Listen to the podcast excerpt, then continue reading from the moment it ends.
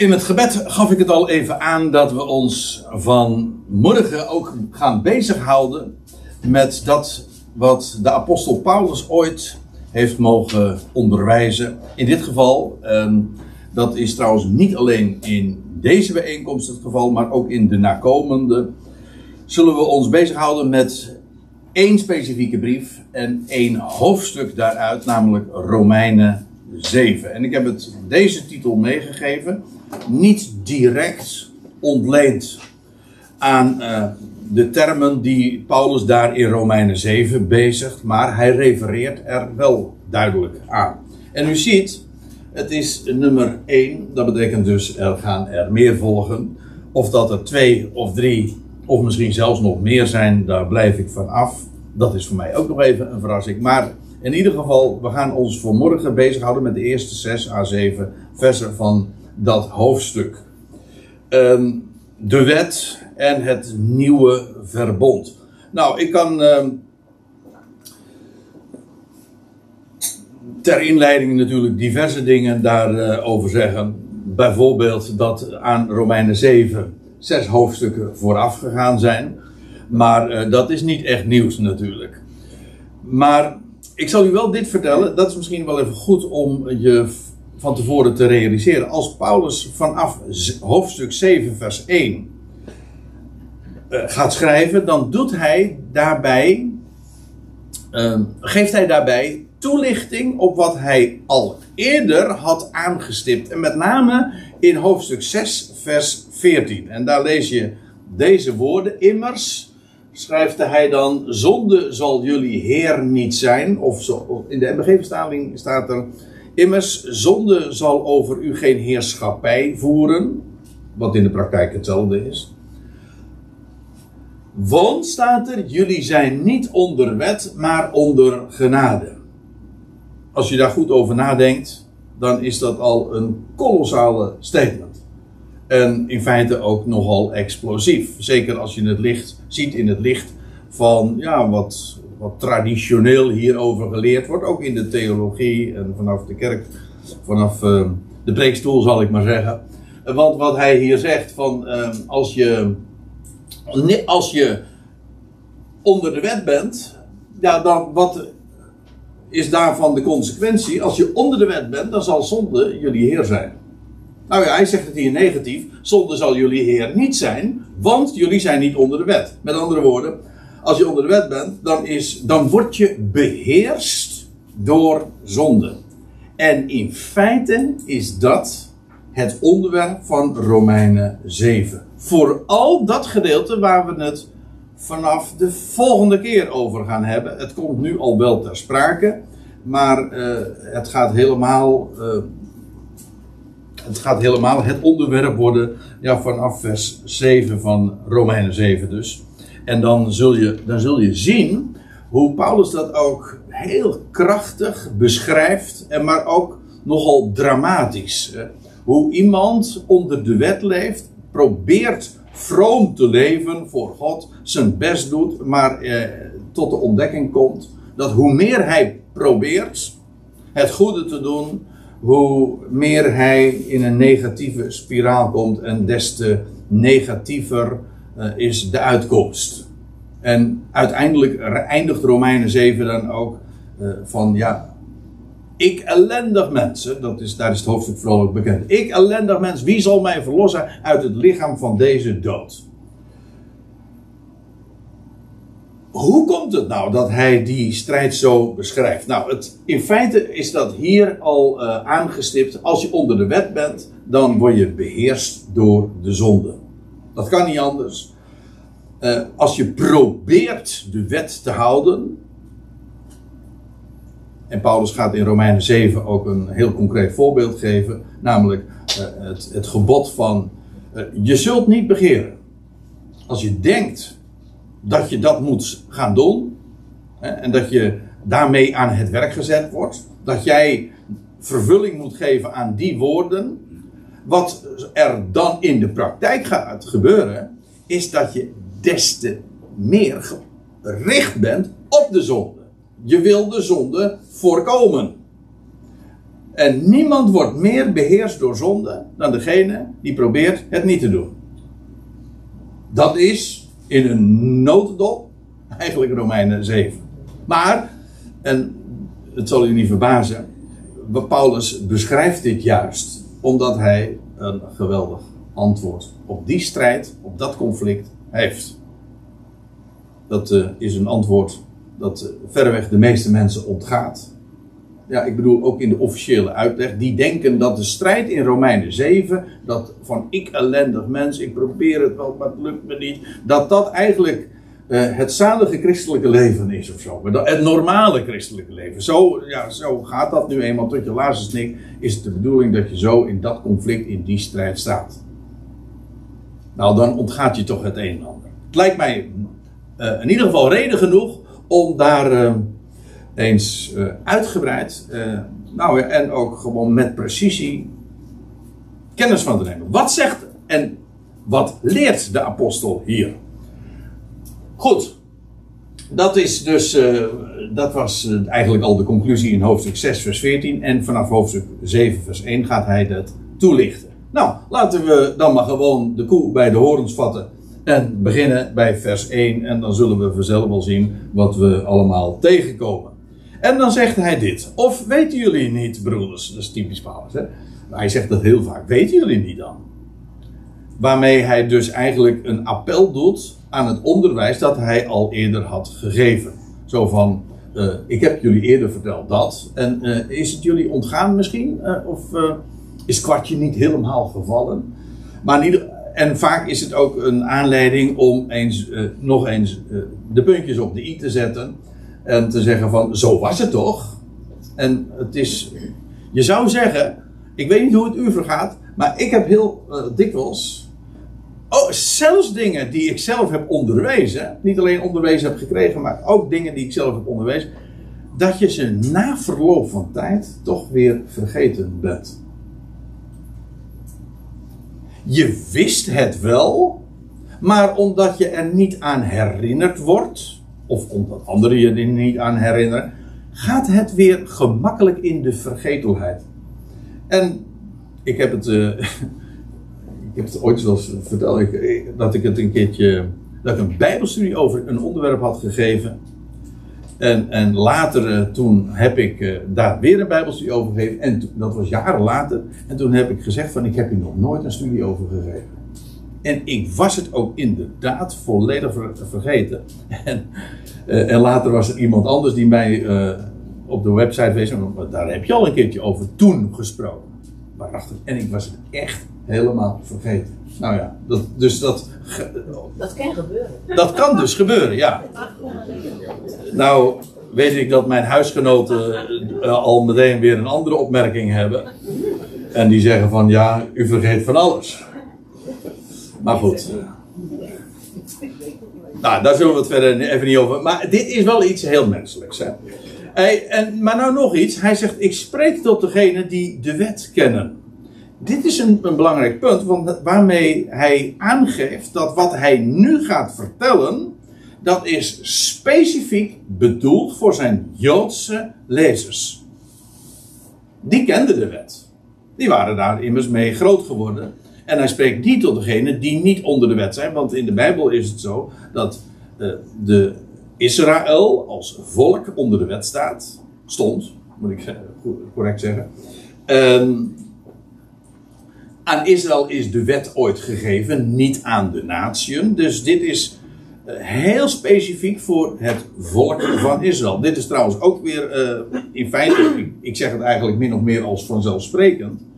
Maar uh, in het algemeen is dit ook in de, in de kerkelijke, christelijke wereld ook nou niet bepaald gemeen goed. Men zegt van ja, eigenlijk de wet die is eigenlijk voor alle mensen. En de wet wordt ook elke week voorgelezen in de, in de kerk. Want ja, dat, is, dat, is, dat zijn de leefregels die gelden voor alle mensen. Nou, ik zal u dit vertellen. Dat wat er in de tien geboden staat, of in de tien woorden, de, op de, de stenen tafelen, dat was een woord dat God gaf aan zijn volk, aan Israël, niet aan Adam, maar 2500 jaar later. En dan niet aan de hele mensheid, maar aan één volk dat hij uit Egypte had geleid. En, en hij zegt van, ik ben de Heer uw God die uit het land, zo begint het ook, hè, die u uit het land Egypte geleid hebt. Dus dan weet je ook meteen aan wie die stenen tafelen gegeven werden.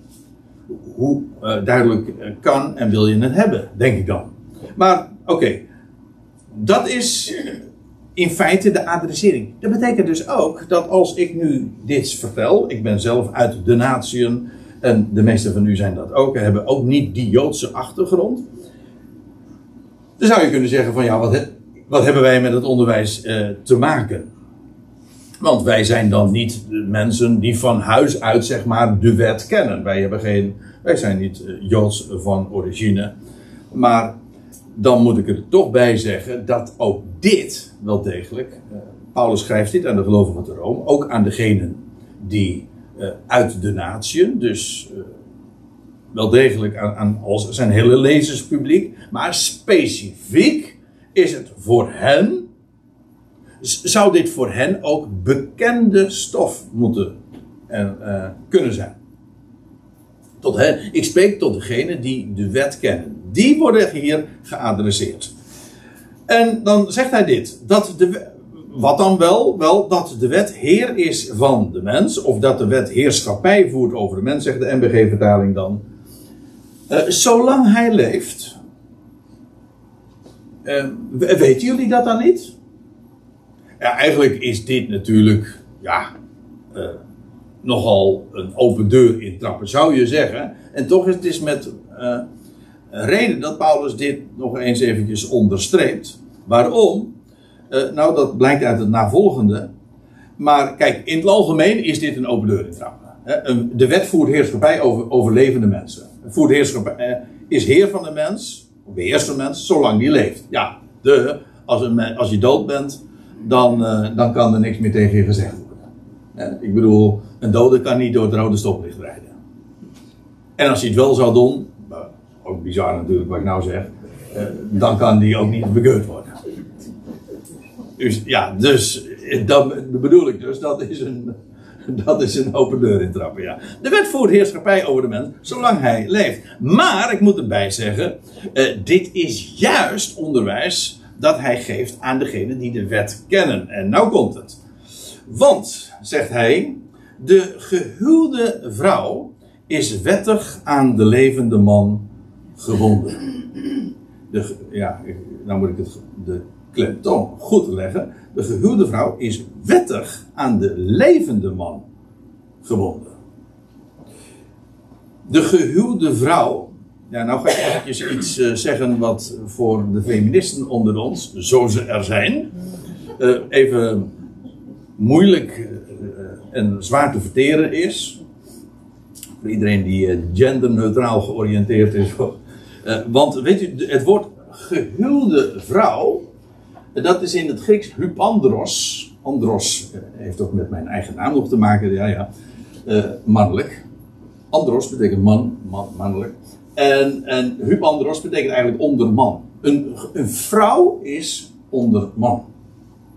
Dat is een gehuwde vrouw namelijk. En het hele idee is. Ik, ik, ik heb gisteren nog een, eh, een huwelijksdienst. in een huwelijksdienst mogen spreken. En nou, toen, ja, toen uh, zag je dit fenomeen ook. Ik weet niet of het plaatje helemaal uit de verf komt. Maar dat de vader van de bruid, wat doet hij? Die geeft de bruid aan de bruidegom. En in feite is dat helemaal de, de transactie die plaatsvindt bij een huwelijk.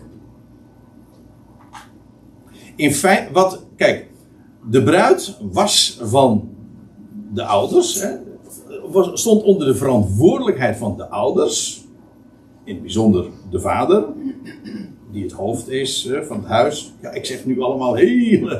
Uh, ja, ik, vind het allemaal heel logisch en, en vanzelfsprekend, maar.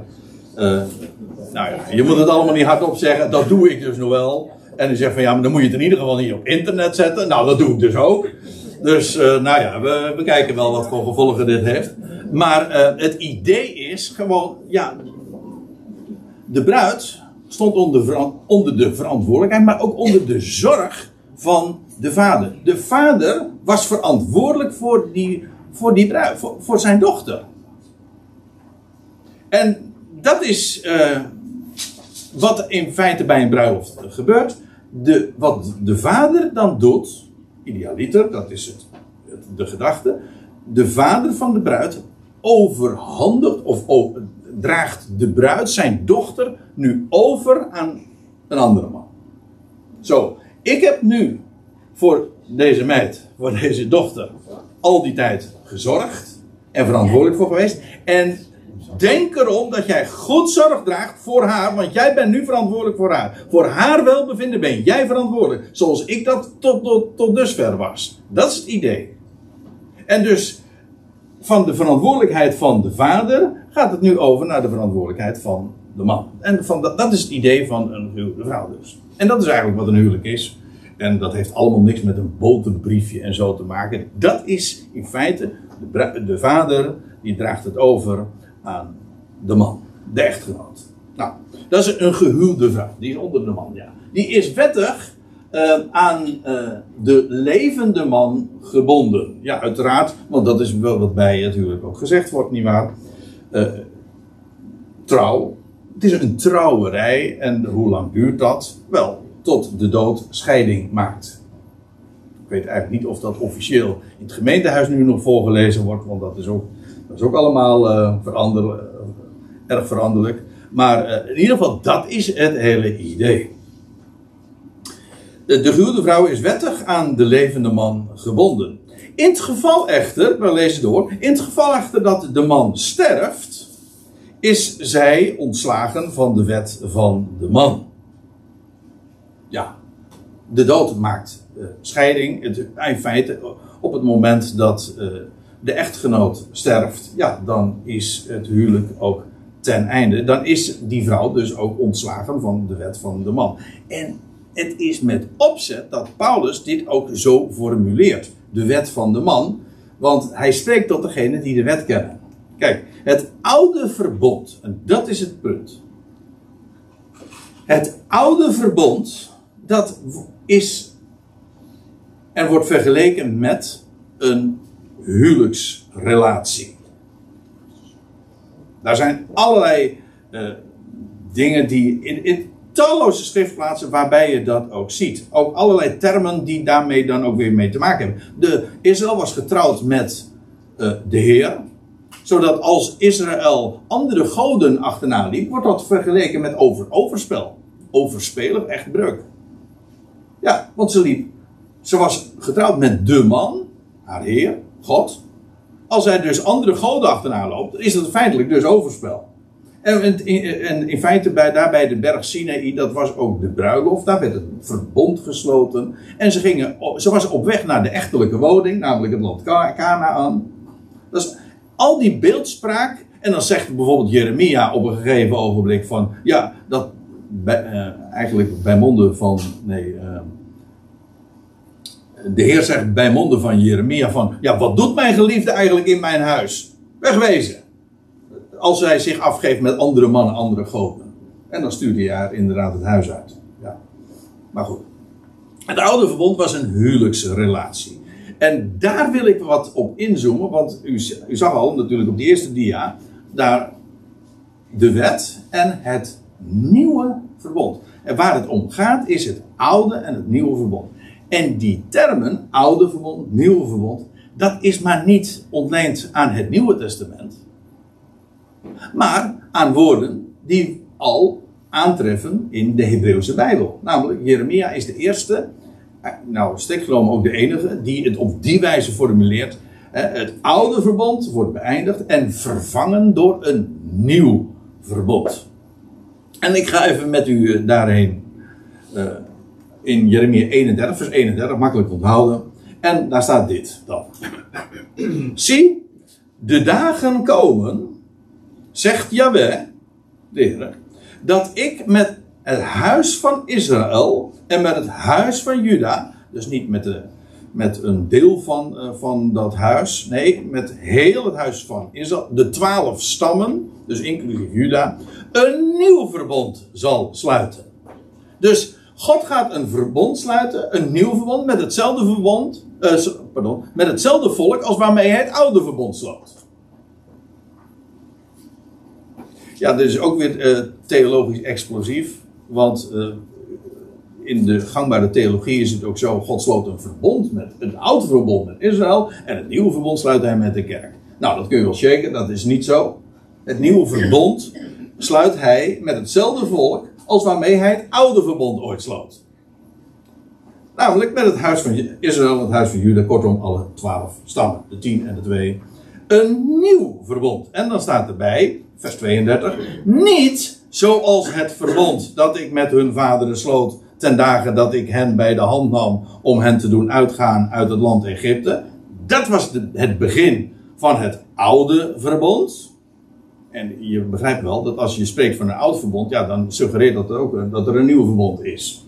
Dat, was, dat, dat verbond dat dus bij de berg Sinaï gesloten werd, hè, toen, hen, toen zij uit het land Egypte geleid waren, dat was dus een tijdelijk verbond. Het loutere feit dat, het, dat er een nieuw verbond aangekondigd wordt, geeft aan dat dat verbond dus inmiddels dan beëindigd zal zijn. God heeft een toekomst, een plan met zijn volk, met de twaalf stammen en dat oude verbond. Ja, om allerlei redenen is dat. Uh... Nou ja, eh, laat ik het anders zeggen. Uh, gewoon met de woorden die hier zelf gebezigd worden. Wat was er mis met het oude verbond? Nou, hier staat: Mijn verbond dat zij te niet deden. Ze hielden zich er gewoon niet aan. Want u weet het, zo gaat dat ook in een huwelijk. Uh, het moet van twee kanten komen. Uh, bij dit oude verbond. Uh, het, kwam, het kwam maar van één kant. En er wordt hier gezegd. Ten dagen dat ik hen bij de hand nam om hen te doen uitgaan uit het land Egypte. Mijn verbond dat zij het er niet deden. Hoewel ik hen, en nou komt het. Dat is eigenlijk waarom ik dit ook zo aanhaal.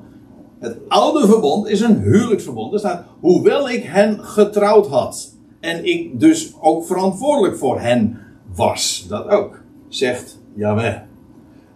Vooral, ik had hen getrouwd. Nou, dat is de, de, de waarheid die eigenlijk als een rode draad door heel de Hebreeuwse Bijbel, ons Oude Testament, loopt. Trouwens, eerst ik zeg Oud Testament, Nieuw Testament, dan betekent dat dat is eigenlijk ook, dat zijn termen die ook ontleend zijn aan deze uh, dezelfde schriftplaats. Als u, even, voor de goede orde, als u een nieuwe, uh, een, um, een statenvertaling hebt, dan wordt het woordje verbond in, nieuw, in het Nieuwe Testament altijd vertaald met testament. Altijd blijf ik even vanaf, misschien zeg ik nu te veel, maar meestal in ieder geval wel. Dat is een heel ongelukkige vertaalfout, als u het mij vraagt. Want een verbond is geen testament.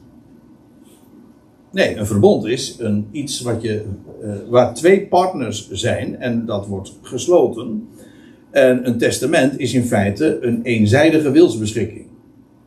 Suggereert trouwens ook, een testament maak je alleen maar op omdat je gaat uh, overlijden. Hm, toch? Uh, maar dat is niet het idee. Het, is, het gaat om een verbond. Geen testament. Hoewel, ehm, hier in Jeremia 31 lees je dus al dat uh, God een, een nieuw verbond zou sluiten. En dat oude verbond had ook het karakter van een huwelijk. Goed, nou, we, we gaan weer even terug naar Romeinen 7. Dus staat er dan, dan zal zij bij het leven van de man als echtbreekster betiteld worden, indien zij van een andere man wordt. Kortom, dus als die vrouw, die gehuwde vrouw, uh, zich afgeeft met een andere man, ja, dan heet ze een echtbreekster. Zo zal ze dan betiteld worden. Maar staat er, indien de man sterft, is zij vrij van de wet. En kijk, het hele idee is deze. Paulus, ik zeg nog een keer, Paulus spreekt tot degene die de wet kennen. Dus je wordt geacht deze hele gedachte van het huwelijk en de wet, de man, de vrouw, dat je dat weet. En dat je ook weet dat als hij het heeft over de vrouw, ja, dan gaat het over Israël. En als het gaat over de man, dan hebben we het over de Heer. En moet ik er ook bij zeggen, degene die de Heer, Jaweh, representeert. Kijk, je zou natuurlijk kunnen zeggen, ja, maar God sterft toch niet? Nee, dat is waar. Nee, maar degene die God vertegenwoordigt, zijn icoon, zo, zo heet Christus, Gods icoon, Gods beeld, is hij God? Uh, in beeldspraak wel. Dat is trouwens ook een theologisch explosief wat ik nu zeg.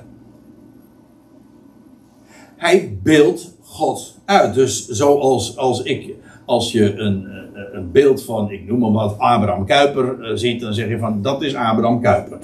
Uh, Kuyper. Abraham Kuyper. Ja, dan zeg ik. En dan kan een ander zeggen: nee, dat is niet Abraham Kuyper, dat is een beeld van Abraham Kuyper. Ja, de, maar dat is beeldspraak.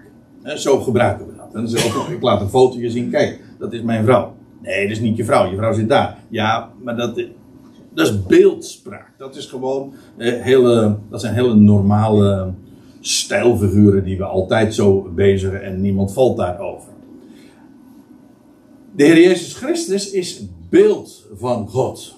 Er is maar één God, maar hij is beeld. En de, hij vertegenwoordigde ook God. Het was de Heer zelf die ooit een verbond sloot met zijn volk uit, bij, in de dagen van uh, de uittocht, van de Exodus. Toen begon het oude verbond. En toen de Messias kwam, toen kwam hij als vertegenwoordiging van de Heer zelf. God zond zijn zoon. Eigenlijk ook zijn erfgenaam. En hij stierf. Ja, indien de man sterft, is hij vrij van de wet. Zo, en ik zal eerst even de zin nog helemaal in zijn geheel lezen. Zodat zij geen echtbreekster is als zij uh, van een andere man wordt. Ja, dus met andere woorden, uh, als de man nog leeft, dan is een echtbreekster als die vrouw het eigendom wordt van een andere man. Dat is waar, dat is echtbreuk. Maar als de man gestorven is, ja, dan is het huwelijk ten einde en dan kan ze inderdaad uh, van een andere man worden. Dat is het hele idee. Dit is geen, begrijp me even goed dit, is, uh, dit zijn vanzelfsprekendheden. Dit zijn dingen die, die een mens geacht wordt te weten. En zeker zij die onder de wet zijn. Dit is geen ethiek. Ik, ik bedoel, ik spreek hiermee geen oordelen uit over, over hoe, wat een mens moet doen of zo. Maar natuurlijk, dat, dat is het punt hier ook helemaal niet. Paulus zegt ook niet van. Uh, zijn insteek hier is ook niet om onderwijs te geven over het huwelijk. Hij, hij onderstelt deze dingen al bekend. Dat is het. Nou is het wel een hele goede vraag natuurlijk. Die ik hier eventjes eronder zet. Wie is die andere man? Nou, we gaan doorlezen. Zo dan, mijn broeders. Ook jullie werden gedood voor de wet.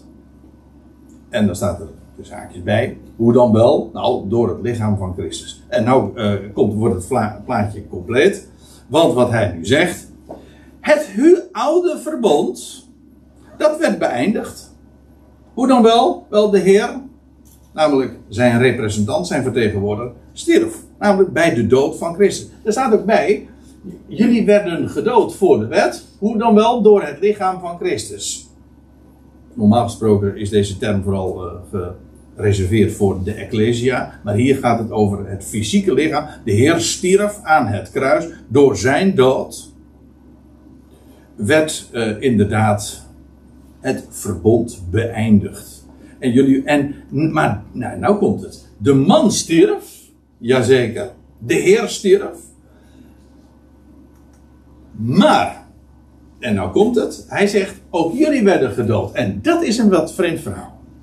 Ik kan me voorstellen dat je daarover strijkt. Oké, okay, het is duidelijk, hè, je hebt de man en je hebt de vrouw, je hebt de Heer en je hebt het volk. Dus, uh, daar werd een verbond gesloten. Uh, de man stierf. En dus is het verbond beëindigd. En nu, maar Paulus zegt ook.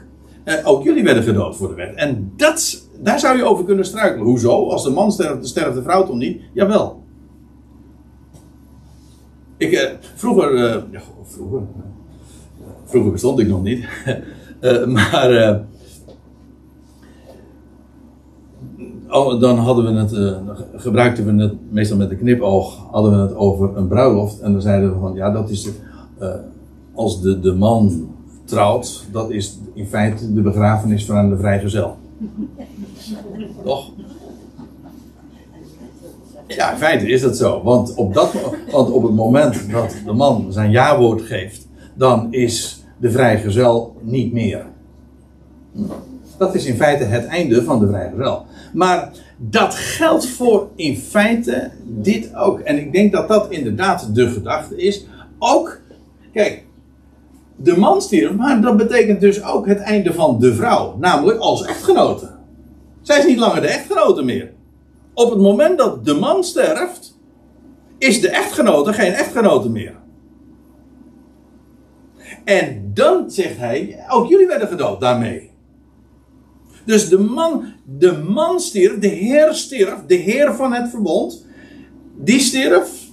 Maar daardoor is ook de vrouw overleden. Of de vrouw, eh, niet langer meer de vrouw. Dat is de gedachte. Ook jullie werden gedood voor de wet, door het lichaam van Christus. Eigenlijk het idee is, om het eventjes wat uh, schematisch voor te stellen. Ooit in het uh, jaar 2500, en dat bedoel ik letterlijk, in het jaar 2500, gerekend vanaf Adam. Dus heel bijzonder. Toen werd de, bij de Sinaï de wet gegeven en dat was de aanvang van het oude verbond. En 1500 jaar later, dan kom je uit in het jaar 4000, anno hominus, dat betekent het jaar van de mens. En ja, toen werd het oude verbond beëindigd. Eigenlijk 3,5 jaar eerder, maar goed, in ieder geval in die laatste zeven jaren, zeg maar, van die periode. En toen werd het oude verbond beëindigd. Over, en die periode heeft dus in zijn totaliteit 1500 jaar geduurd. 500 eh, jaar van uh, de Sinaï tot Salomo, 500 jaar van Salomo tot Kores en nog weer 500 jaar tot aan de dood uh, van Christus en eigenlijk de, de steniging van Stefanus. Maar in ieder geval, dit is het idee van het oude verbond. Hier begon het, daar eindigde het. Dat, was het einde van het oude verbond. En u weet wellicht dat de Heer toen hij zijn met de discipelen in de opperzaal, in de avond dat hij werd, in de nacht dat hij werd overgeleverd, dat hij nog met hen maaltijd heeft gehouden. En hij zegt, toen zei hij ook van dit is het bloed van mijn verbond. Hij zei ook, uh, in, in Matthäus lees je dat, van het nieuwe verbond. Waarmee in feite, op het moment dat je spreekt over een nieuw verbond, heb je het oude eigenlijk voor verouderd verklaard. Toch? Toen Jeremia eigenlijk als eerste sprak van een nieuw verbond, toen, had eigenlijk, toen was daarmee eigenlijk het bestaande verbond al verouderd. En de Hebreeënbrief zegt uh, daarbij ook, ja, als het, uh, en wat verouderd, ja, dat is nabij de verdwijning. Toch? Nou ja, weet niet of dat uh, een, dat moet u niet altijd persoonlijk opvatten. Dat is van, oh, ik verouder, dus ik ben naderbij de verdwijning. Maar het komt wel, ja. En uh, in feite is het ook zo toen de Heer stierf. Toen was het oude verbond zelfs in hele haar bediening. Het heeft nog 40 jaar geduurd. En toen is de tempeldienst en Jeruzalem, het is helemaal gewoon met geweld beëindigd. Inderdaad. Goed. Um, zo dan, mijn broeders, ook jullie werden gedood voor de wet door het lichaam van Christus om van een ander te worden, van degene die uit de doden opgewekt wordt. Maar dat is vreemd. Even, misschien even voor de goede orde, en misschien toch even goed om die opmerking erbij te maken. Ik kan me voorstellen, en zeker als je als je hier voor het eerst bent en, en je kent de brieven van Paulus niet zo heel erg goed, dan weet je dat zijn onderwijs heel diepgravend is. En dat is Romeinen 7 hoort daarbij. Hij gaat uit van een bepaalde kennis. En ik excuseer mij eigenlijk ook eigenlijk daarmee ook even. Uh, zeg van, ja, kijk, hij spreekt op degene die de wet kennen. Die zouden dit soort gedachtegangen die hij nu onderwijst, die zouden die moeten kennen. En als u zegt van, ja, maar ik ben daar niet zo, uh, ik, ik, snap het allemaal niet. Dan kan ik me voorstellen dat dit lastig is om hierin mee te, om de gedachtegang die Paulus hier zo uiteenzet, om die te, helemaal te volgen en te begrijpen. Daar heb ik uh, de volledige begrip voor. Maar goed, we volgen gewoon de apostel Paulus zoals hij dat hier zo uiteenzet. Oké, hij zegt dus, de man stierf. Ja, hij zegt, maar dat betekent dus dat de vrouw, Israël, nu ineens vrij is om van een ander te worden. Hij zegt ja, en, dat, en die ander is er ook. Die heeft, en die heeft ook niet lang op zich laten wachten, want de man stierf. En drie dagen later werd die man opgewekt. En de, in feite is dat een ander. U zegt, ja, maar dat is toch dezelfde? Ja, het is ook weer dezelfde. Maar nu in een hele nieuwe conditie. In een hele nieuwe toestand. Want het is eigenlijk heel vreemd, zoals Paulus het zegt. Jullie werden gedood voor de wet door het lichaam van Christus. En dan zegt hij, om, om van een ander te worden, namelijk van degene die uit de doden opgewekt wordt. Dan zou je kunnen zeggen, ja, maar dat is toch hetzelfde als de Christus die stierf? Ja, dat is ook zo. Maar, met dat verschil, de ene was in oudheid en de andere is nieuw. Letterlijk ook nieuw. Die kan ook niet meer sterven. Die heeft de dood achter zich gelaten. Hij is opgewekt. En dat is dus werkelijk uh, een totaal nieuwe status. Nieuw leven. Houd dit vast. Nieuw leven. En Paulus zegt er ook bij: als dat het geval is, sinds de opstanding van Christus, sinds dat hij uit de doden opgewekt is, er nieuw leven is, is het Israël officieel vrij van de wet. Het oude verbond is beëindigd. Let wel, niet de wet is beëindigd. Die wet is er nog wel. Alleen de relatie, die zij regelt, die is ten einde. De man stierf. En daarmee is het huwelijk ten einde. En, de vrouw is ook niet meer de vrouw hè, van de man, namelijk de echtgenoot. Dus de relatie is voorbij. Nou, en dat betekent er een. In feite is dat dus. Ook een aardige. Moet je even goed over nadenken. In feite betekent dat dus dat het Jodendom. Die, die dat oude verbond conserveert. Hè, bewaart conservatief. Dat betekent eigenlijk gewoon uh, ja, bewaren. Is een, zoals de, is een moeilijk woord, anachronisme. Dat wil zeggen, het is eigenlijk uit de tijd. Het oude verbond is beëindigd, dus een, een, een religie, een, jodendom, dat het oude verbond nog steeds gewoon bestendig, alsof de Messias niet gekomen is. Dat gelooft het jodendom trouwens ook niet. Ze zeggen, die, die Messias is nog helemaal niet gekomen. Nou, die is wel gekomen. Sterker nog, hij is, niet, hij is gestorven, hij is ook opgewekt. En dat is de actuele situatie. De Messias, de Messias is er. Israël is vrij van de wet. En u zegt van wij als gelovigen uit de natie. Ja, wij waren sowieso nooit onder de wet. Maar voor hen die onder de wet waren, voor wie die stenen tafelen en al die bepalingen van de Mozes uh, gegeven waren, dat die relatie is oud en beëindigd. Ja, en dat betekent dat er een hele nieuwe situatie ontstaan is, want nu is er iemand die uit de doden is opgewekt. Hij leeft en dat betekent ook dat Israël vrij is en om het eigendom te worden van, uh, om van een ander te worden, van degene die uit de doden opgewekt is, opdat we vrucht zouden dragen voor God. In dat nieuwe leven is er werkelijk inderdaad sprake van vrucht. Want u weet het, uh, als uh, de dood voorbij is, als de dood achter je ligt, dan wat er resteert is nieuw leven.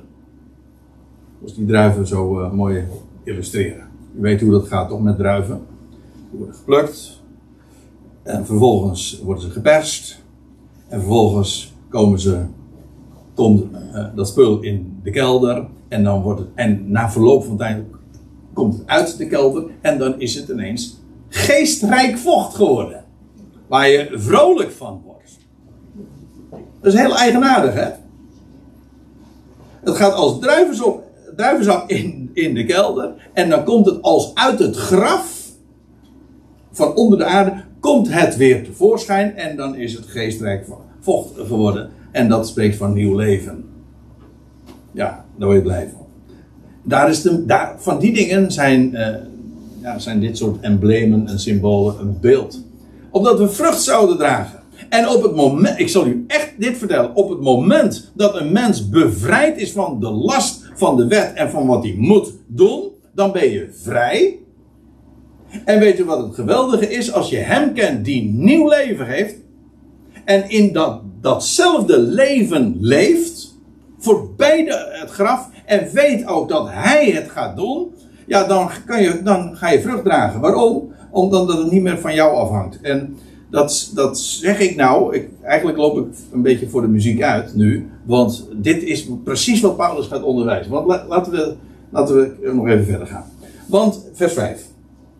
Toen wij in het vlees waren, haha, dat betekent in tegenstelling tot nu dus, nu zijn we niet meer in het vlees, want wij leven nu een nieuw leven. Dat is geen theorie, dat is gewoon het feit. God ziet ons aan in Christus, die opgewekt is uit de dood, de zonde is voorbij en er is nieuw leven.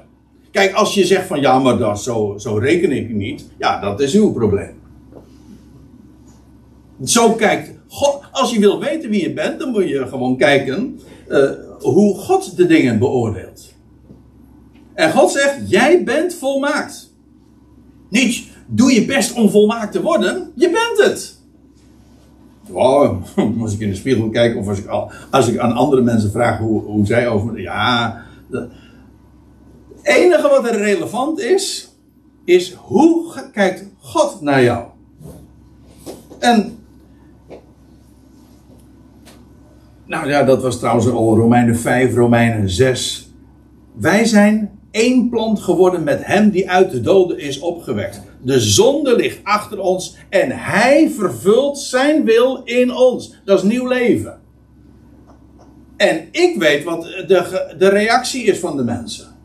Zeker van godsdienstige mensen die hun hele leven tobben tegen de zonde, de strijd tegen de zonde. Ik heb het ooit, ik heb het vaak genoeg ook gehoord. In, in allerlei formulieren in de kerk en daar staat het ook zo geformuleerd. Dat ons hele leven zouden strijden tegen de, tegen de zonden.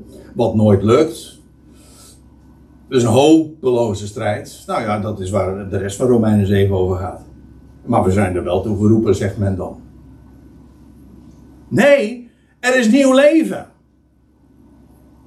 En je bent volmaakt. Het eerste waar het om gaat is dat je weet wie je bent. En als je wil weten wie je bent, dan moet je niet aan je buurman vragen. Of ook niet in de spiegel kijken, maar dan moet je vragen: hoe denkt God over mij? En God zegt: zo ben je. Dat is je identiteit. En leef daaruit.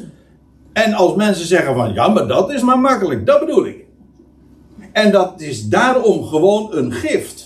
Ga daarop staan. Dat is in feite de hele onderwijs van de Romeinen. Nou, niet alleen van de Romeinen, eh, van de Korinthe.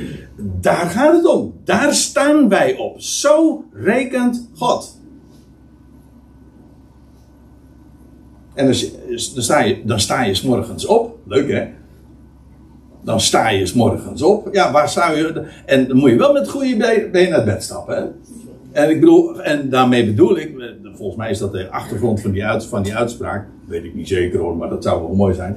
Uh, als je met het goede been naar bed stapt, dat is het rechterbeen, en dan ga je, denk ik dan, dus dat heeft voorrang namelijk. En dan ga je staan gewoon op deze bodem. Elke dag weer opnieuw. Dat is opstandingsleven. Hij is uit de doden opgewekt. Hij, hij is mijn leven.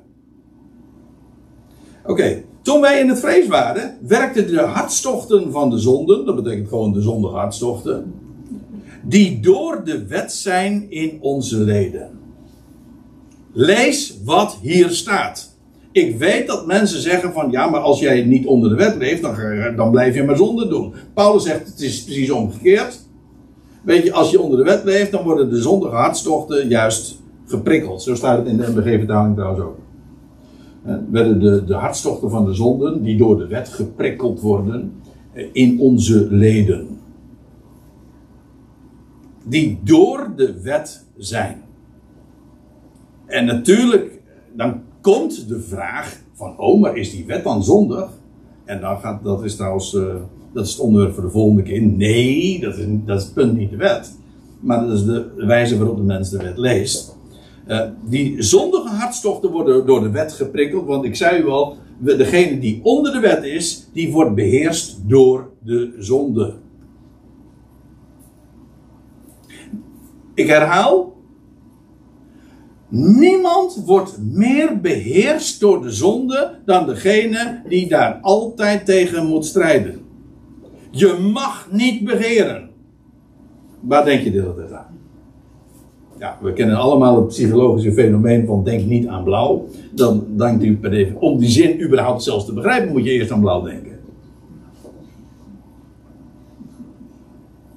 Mensen die zeggen, nou mag ik niet begeren. En, ik, en dus ik probeer. En je, hoe, hoe meer ernst je daarmee maakt, hoe meer je ook beseft van ja, maar het, het werkt juist contraproductief, hè, zoals dat met een mooi woord heet. Het werkt precies aan de averechts, de andere kant op. Juist daardoor word ik beheerst van de zonde.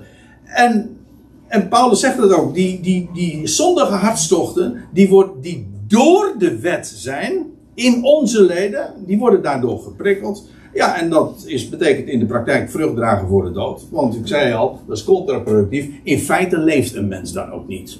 Want je bent altijd aan het vechten. Hopeloos. Want dat zegt, dat zegt men ook. Hè? Mensen die, ik bedoel, vanuit uh, in het algemeen wordt er gezegd van ja, we moeten strijden tegen de zonde. En als je dan de vraag stelt van ja, maar lukt dat? Nee, dat lukt niet. Want elke dag falen we. Ik zeg maar, waarom moet je dat dan uh, überhaupt dan toch nog doen? Uh, ja, om te ontdekken dat je, dat je faalt. Nou, dat hoef ik niet te ontdekken als ik dat op voorhand al weet. Ja, ik moet zeggen, ik, ik heb altijd die, ik snap de logica daar niet, ook niet van. Waarom moet ik een strijd strijden waarvan op voorhand vaststaat dat ik die niet kan winnen? Als God dat al van tevoren ook zegt. Ja, u zegt van ja, maar jij snijdt af. Ja, natuurlijk. Maar dat is toch. Je snijdt de bocht af. Als God dat van tevoren nou zegt. Hij verwacht daar niks van. Van, van, van jouw activiteiten en van, jou, van jouw vrome prestaties. Nou, weet u wat het is? Het is gewoon uh, vrucht dragen voor de dood. Dat ze gewoon, je leeft dan niet echt. Het is ook hopeloos. En als je, trouwens, hopeloos is voor mij hetzelfde als uh, inderdaad niet leven. Want hoop doet leven, toch? En als ik iets moet, hopeloos is, gewoon op, op voorhand, uh, iets, als ik iets moet doen, waarvan op voorhand vaststaat dat het niet lukt, dat is dus hopeloos, hè? Of, of heb u een ander woord daarvoor? Ik vind dat echt hopeloos, hoor. Nou, dan leef je niet dus. En dan draag je wel vrucht. Maar wel hele wrange vrucht hoor. Voor de dood dus, ja, inderdaad. Maar nu werden wij, en Paulus spreekt tot degene, ik herhaal het, hij spreekt tot degene die de wet kennen, hij spreekt tot het volk, tot in feite de vrouw, de vrouw, hè,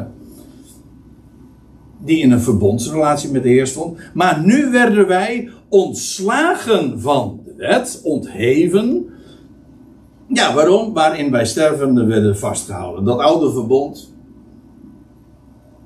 wat niet erg succesvol was.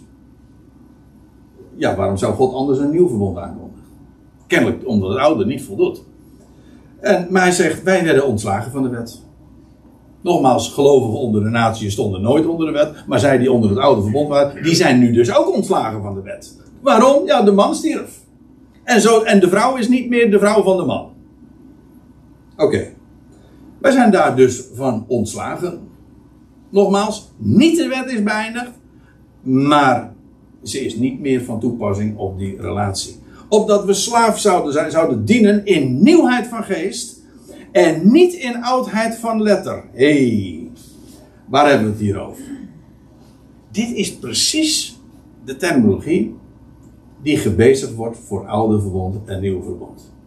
Want nieuw verbond slaat op geest en de oudheid van letter slaat op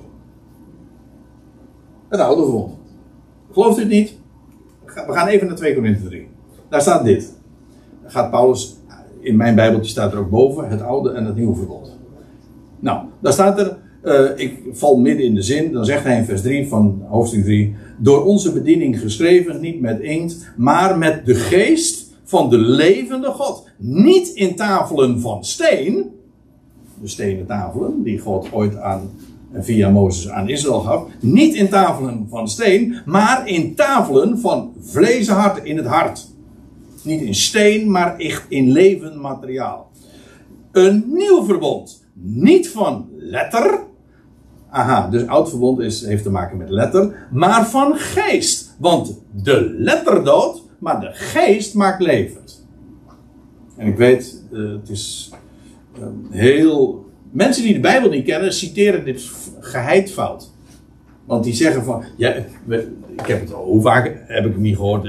Kent u dat? Dat mensen zeggen, we zijn bezig met de schrift. En dan hebben mensen wel eens een keertje de klok horen luiden, maar ze weten niet waar de klepel hangt. En dan zeggen ze, wow, maar die Bijbel joh, eh, de letter dood toch?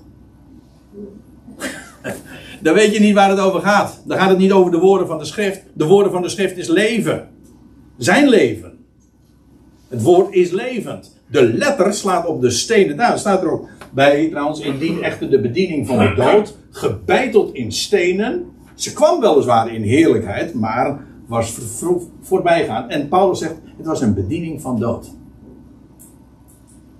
Het oude verbond was een bediening van dood en ook een bediening van veroordeling. Dat zijn trouwens eh, de dingen die hij in de navolgende versen ook zegt. Zodat je dus dit verhaal krijgt, het oude verbond en het nieuwe verbond. Het ene heet de letter, het andere heet de geest. Het ene is gebeiteld in stenen, stenen tafelen, tabletten, tablets, ja.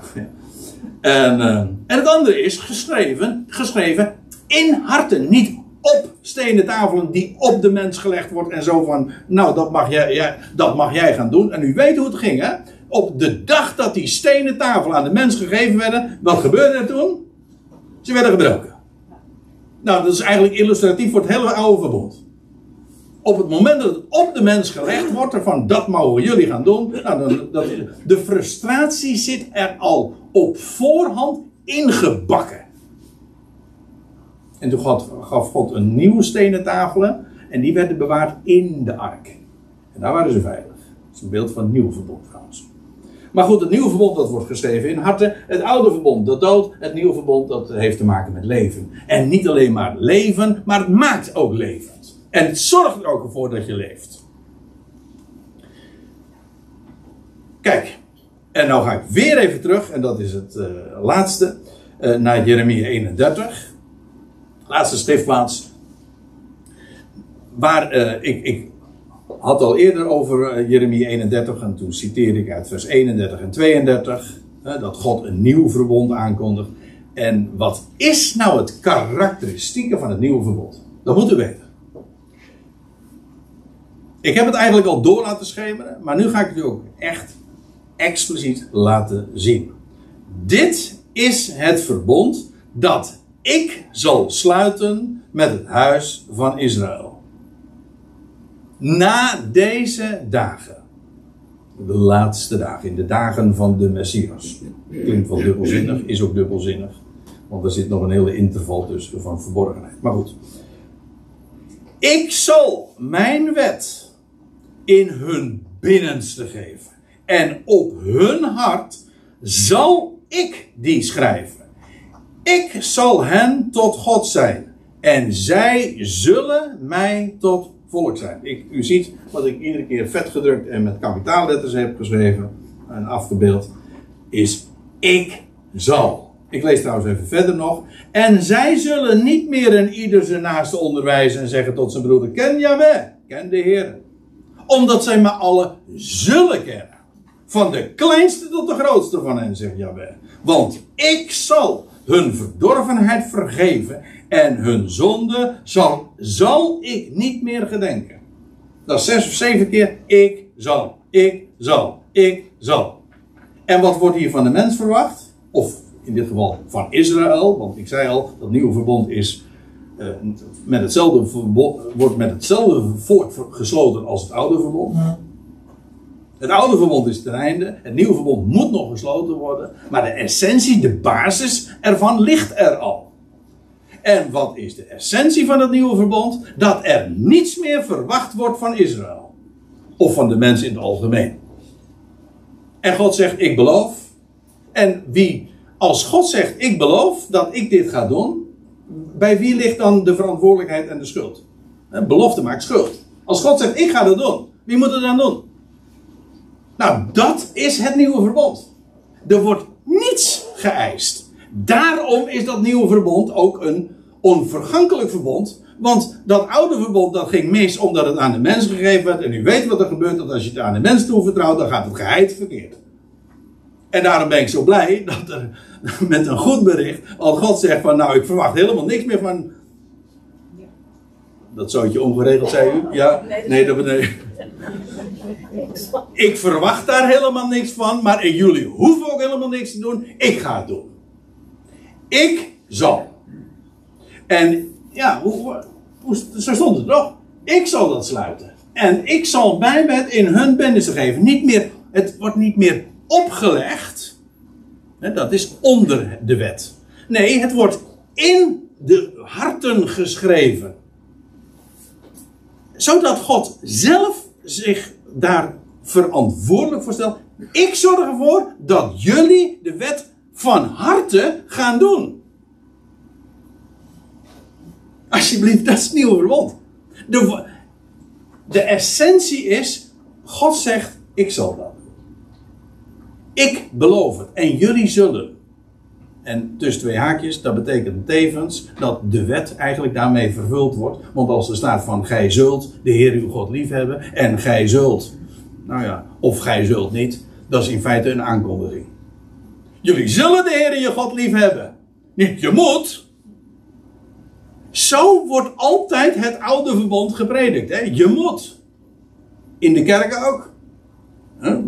Je zult de Heer je God lief hebben. Jij moet dat gaan doen. Ga je best maar doen. Nee. Dat is net zoiets als, als God tegen Abraham zegt: Je zult een vader, je zult een vader van vele volkeren worden. Dat was geen opdracht. Niemand die was oud, was impotent. Nee, dat was een belofte. Jij zult een vader van vele volkeren worden. En jij kan dat niet? Geen probleem, ik doe het. En want ik verwek leven in, uit de dood. Zie je dat de, de impotentie, het onvermogen van de mens volledig gepasseerd wordt en God zegt: Ik sta ervoor garant, ik doe het, ik vervul het. Ja, dat betekent dus dat we het niet van het oude verbond hebben te verwachten, maar van het nieuwe verbond. En dan zegt Paulus in vers 7: uh, Wat zullen we dan zeggen? Is de wet soms dan zonde? Eigenlijk heb ik het antwoord al gegeven. Waar hij zegt, eh, maar hij gaat het nu nader ook toelichten. Nee, volstrekt niet. Maar kijk, dat is nou het onderwerp voor de volgende keer. Dus de cliffhanger, zeg maar. Ja, daar gaan we het dan echt over hebben.